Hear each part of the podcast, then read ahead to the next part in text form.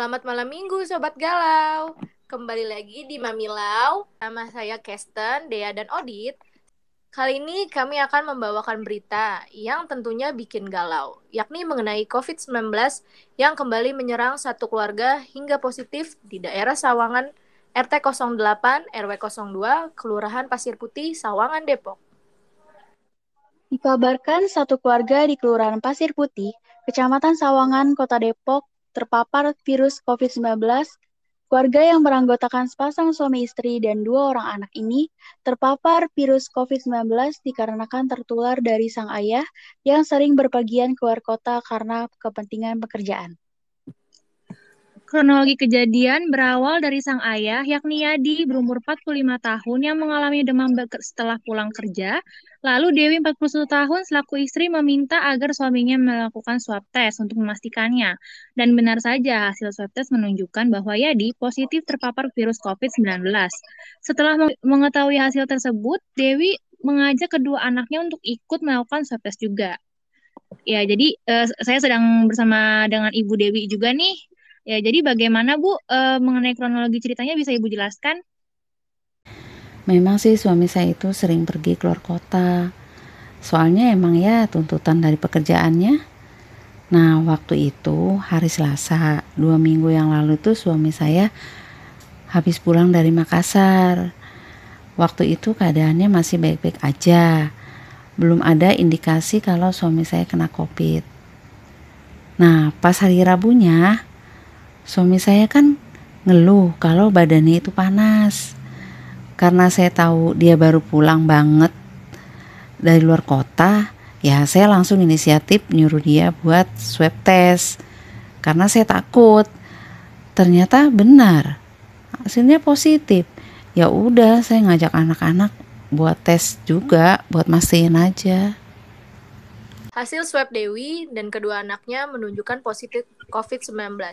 Karena itu, Dewi langsung berinisiatif melaporkan hal tersebut kepada Bapak Abidin selaku Ketua RT setempat.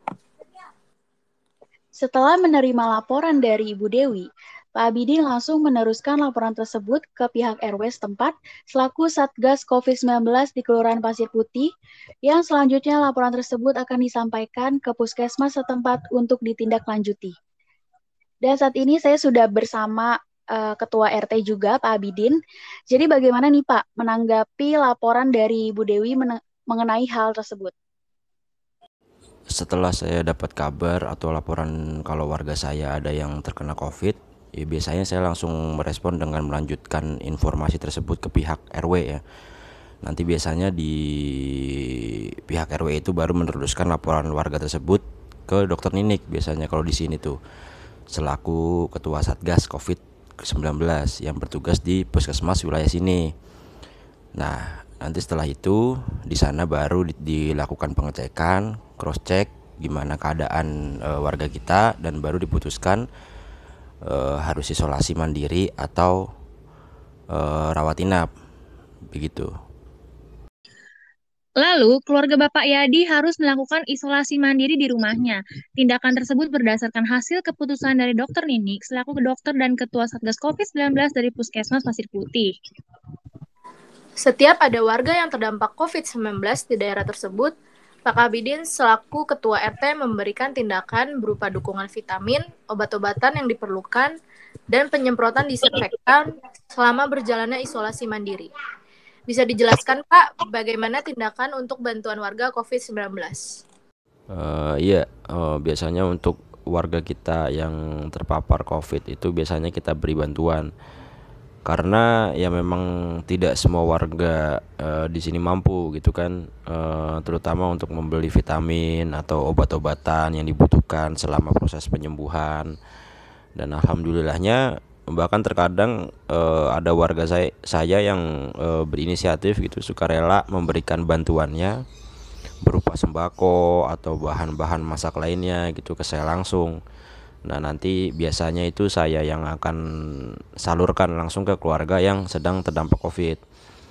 Dan untuk pembelian vitamin dan obat-obatan serta dana penyemprotan disinfektan selama uh, terdapat warga yang terdampak COVID itu dengan persetujuan warga biasanya kita ambil dari uang kas gitu jadi selama ada warga kita yang eh, terpapar covid di wilayah Pasir Putih ini biasanya kita melakukan penyemprotan disinfektan secara rutin gitu dan berkala Ibu Dewi, selaku istri dari Pak Yadi, menyampaikan pesan untuk masyarakat Indonesia agar selalu menjaga dan mematuhi protokol kesehatan.